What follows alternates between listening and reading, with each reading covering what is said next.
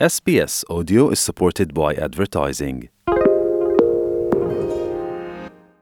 شما با پروگرام دری رادیوی اس هستید. آموختن شنا یا آببازی ممکن در وقت اسکان در استرالیا مثل یک اولویت به نظر نرسد.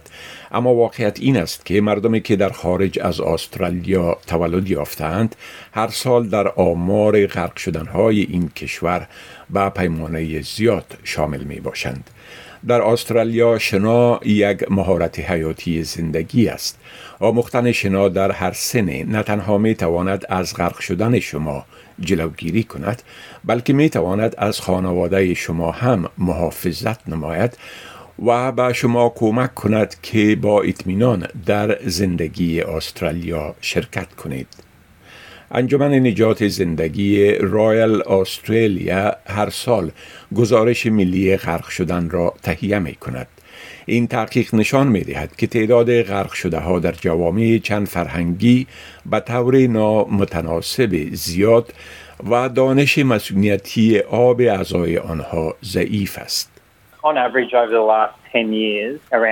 به صورت اوسط در طول ده سال گذشته در سراسر استرالیا 35 فیصد همه غرق شده ها مردم با پیشینه های فرهنگی و زبانی متنوع بودند. بنابراین اینها مردمی هستند که یا اخیرا به استرالیا نقل مکان کردند یا کسانی هستند که والدینشان در استرالیا تولد نشدند لذا این آمار نشان دهنده شمار بیش از حد است.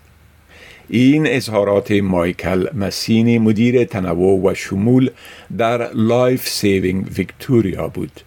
این نهاد به منظور اجرای برنامه های شنا برای گروه های فرهنگی و زبانی متنوع با سازمان ها و مکاتب همکاری می کند.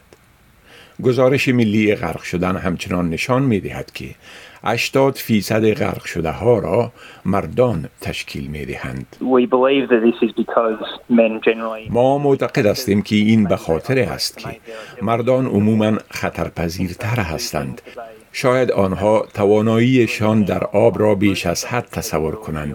بعضی اوقات فکر می کنند که می توانند کارهایی را انجام دهند که اصلا نمی توانند و همچنان به خصوص در گروه های مربوط فرهنگ ها و زبان های متنوع ما و همچنان کسانی که تازه وارد کشور شده اند این تصور موجود است.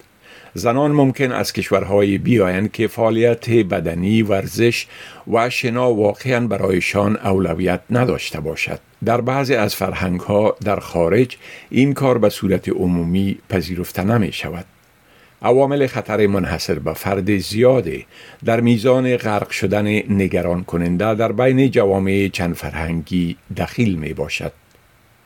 بسیاری از کودکان متولد استرالیا به برنامه های شنای مکتب و برنامه های عمومی مسئولیتی آبی دسترسی دارند. اکثر استرالیایی ها در خط ساحلی زندگی می کنند یا به حوز های دسترسی دارند و آب را هم سودمند و هم تفریحی می دانند. این در مورد جوامع فرهنگی و زبانی متنوع ما همیشه صدق نمی کند. سوفیا در اریتریا بزرگ شد و به حیث پناهنده به کینیا نقل مکان کرد. او وقتی به استرالیا آمد هیچ شنا بلد نبود و معلومات از شنا یا مسئولیت آب نداشت. فرصت برای آموزش شنا موجود نبود. روزهایی که به حوز رفتم صرف می توانم دو یا سه روز از زندگیم را قبل از آمدن به استرالیا حساب کنم. بنابراین با وجود اینکه علاقه زیادی به شنا داشتم واقعا فرصت برای آموختن موجود نبود. سوفیا با کمک یک برنامه اجتماعی که توسط Life Saving Victoria Spectrum و پوهنتون ویکتوریا اجرا می شود در جوانی به آموختن شنا شروع کرد و می گوید که با داخل شدن در حوز آببازی ترسش از آب از بین رفت. مردمی که نو به استرالیا می آیند اکثرا نمی توانند خطرات آبهای باز مانند امواج متلاطم یا آشفته یا جریانات قوی را که به سمت دریا حرکت می کنند و یکی از بزرگترین خطرات در سواحل استرالیا است تشخیص دهند. و جید هنسن مدیر بازاریابی در نهاد آست سویم می گوید که خطرات در دریاها و دریاچه های ما بیشترند.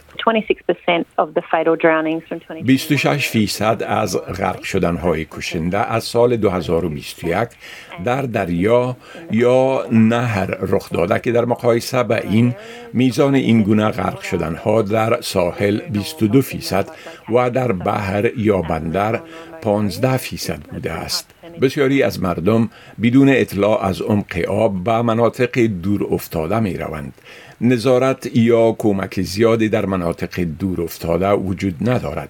بنابراین مناطق اطرافی و دور افتاده فیصدی بلند غرق شدن را دارند. استرالیا توسط خط ساحلی و راه های آبی احاطه شده است. بنان آموختن شنا و همچنان تقویت مهارت های مسئولیتی آب ضروری است. اینها مهارت های حیاتی برای شنا ماهیگیری قایقرانی و فعالیت های آبی دیگر هستند. برنامه های مسئولیتی آب آگاهی را در مورد شنا کردن بین پرچم ها در ساحل همیشه با یک دوست شنا کردن و درک شیوه های غیر قابل پیش بینی حرکت آب بهبود می بخشد. مایکل مسینی از Life Saving Victoria می گوید که این مزایا فراتر از نجات جان شماست چنانچه با داشتن مهارت و آگاهی در مورد شنا می توانید خانواده و فرزندانتان را هم در دور و بر آب نجات دهید. جید هنسن از آست سویم می گوید برای یافتن یک برنامه شنا یک مرکز شنای محلیتان را که توسط آست سویم به رسمیت شناخته شده است جستجو کنید. بعضی از آنها برنامه های آموزشی خاصی برای مردم مربوط جوامع فرهنگی و زبانی متنوع دارند. حد اوسط قیمت یک درس شنا با در نظر داشته محل هاوس و گروهی یا انفرادی بودن آن بین 19 تا 26 دلار می باشد.